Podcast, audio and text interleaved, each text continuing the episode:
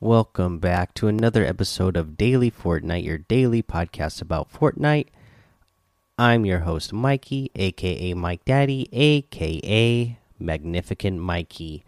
So, not a lot of news going on today, other than that there will be some big news tomorrow. Hopefully, it's big news, anyways. I'm hoping that we get some new fun content or some fun changes to the game because tomorrow uh, we got this over on the Fortnite status webpage. They say, Hi everyone, version 12.30 arrives Tuesday, March 31st. Downtime for the update begins at 2 a.m. Eastern. So, again, you know, it's one of those ones, uh, you know, I, I like the update times that they're going for now because if I really wanted to, I could stay up late uh, over here on the West Coast and play it before I went to bed. Who knows? I might even try that tonight. We'll see how tired I get. Uh, but uh, yeah, I'm, I'm, liking this new update time. Uh, hopefully, we'll get some good stuff out of it. But yeah, that's the only real news I got. So let's go ahead and look those challenges again and uh, figure out what we can do for a challenge tip for you. Let's see, you need to ride the Steamy Stacks, a zip line, and use a secret passage in a single match. Well, easy well, there's only one area you can really go for this, and that is, you know, to use the steamy to ride the steamy stacks. You actually, you know, obviously have to go to steamy stacks and ride in one of those vents there. But there's also some what you might call it now the uh, zip lines just south of steamy stacks. So here's what I suggest uh, that you could do. You can ride the zip lines that are south of Steamy Stacks towards Steamy Stacks. Uh, they won't go all the way into Steamy Stacks, but you'll get pretty close, and then you get in. You'll, you know, run the way the way to Steamy Stacks to ride the Steamy Stacks, and then float on over to the yacht. And once you get to the yacht, uh, you know, there, uh, you'll be able to use some secret passages uh, in there, and uh, you know that's going to be the close the next closest place that you you'll be able to use a secret passage. I think so. If you go that direction, if you follow that path, you should be able to get that challenge done pretty quick. Uh, you know, you have to do it in a single match, so uh, you have no choice but to get it done in a single match. Uh, but that should be the easiest way. Obviously, you could, you know, ride this the steamy stacks uh, first and then go south and ride a zip line and then head over to I guess the gas station in I don't even remember which area that is in now. I want to say it's like I think the gas station that has that is in like C or I mean G4 or something like that. Somewhere in that area there's a there's a spot where you can use secret passage but uh, it won't be as easy if you go the other way so yeah, there's your challenge tip. Uh, let's go ahead, take a break here. We'll come back. We'll go over the item shop and a tip of the day. It's Kaley Cuoco for Priceline. Ready to go to your happy place for a happy price? Well, why didn't you say so? Just download the Priceline app right now and save up to 60% on hotels. So, whether it's Cousin Kevin's Kazoo concert in Kansas City, go Kevin, or Becky's Bachelorette Bash in Bermuda, you never have to miss a trip ever again. So, download the Priceline app today. Your savings are waiting. Go to your happy place for a happy price. Go to your happy price, Priceline. All right, let's take a look in the item shop. And we still have that uh, Assassin challenge pack in here.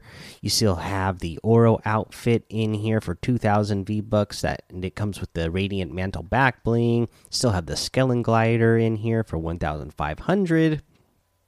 And today we got the Bunny Wolf outfit with the Heart Grid back bling in here for 1,500 the lion outfit with the diamond grid back bling for 1500 the neon the neonimal wrap for 500 we have the uh, Nitebeam outfit with the lumicore red back bling for 1500 the flare outfit with the lumicore green back bling for 1,500.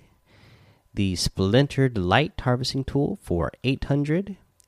The Mega Bat Glider for 800. And the Vivid Axe Harvesting Tool for 500. We have the Bash outfit with the Llamacorn Shield back bling for 1,500. This is another guy that I love a lot. Uh, you have the Razor Smash harvesting tool in here as well for 1,200. You have the Maverick outfit with the Bat Attitude back bling for 1,500. This is a really great one.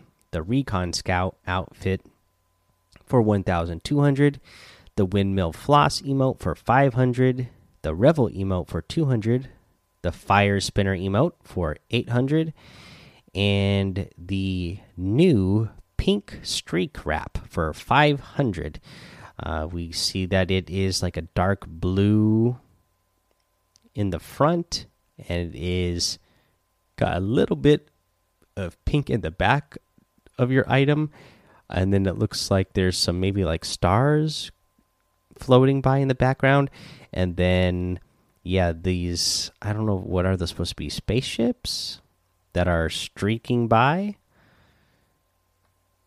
That's what it looks like to me. I think they're spaceships. I can't really tell, but uh, yeah, that's the new wrap. And that is the item shop. You can get any of these items using code Mike Daddy M M M I K E D A D D Y in the item shop, and some of the proceeds will go to help support the show. All right, so looking through the Discord, and I didn't really see anybody come through for me on giving me any tips for the tips of the day.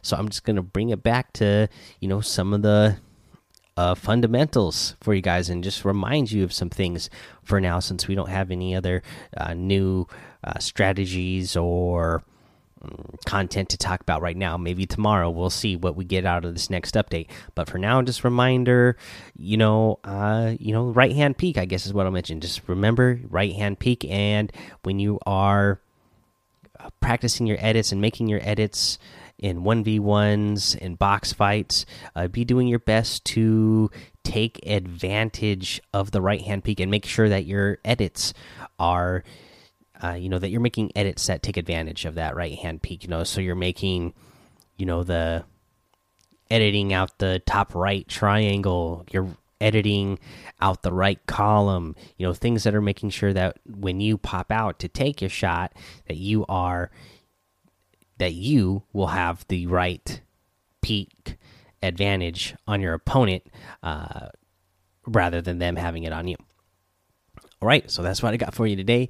Again, I'd love to, I'd still love to hear some tips uh, from you guys and see what uh, we can come up with. If there's anything that you guys, uh, you know, feel like people need to be reminded about, if you're feeling like you see other people getting sloppy with something, or you yourself uh, kind of notice like, hey, I feel like this is something I'm uh, sloppy with in my game, and this is what I'm work, this is what I'm doing to work on getting better at. It. I'd love to hear that kind of stuff. All right, guys. So go join that daily Fortnite Discord and hang out with us. Follow me over on Twitch, Twitter, and YouTube. Mike Daddy on all of those. Head over to Apple Podcasts, leave a five star rating and a written review for a shout out on the show. Make sure you subscribe so you don't miss an episode. And until next time, have fun, be safe, and don't get lost in the storm.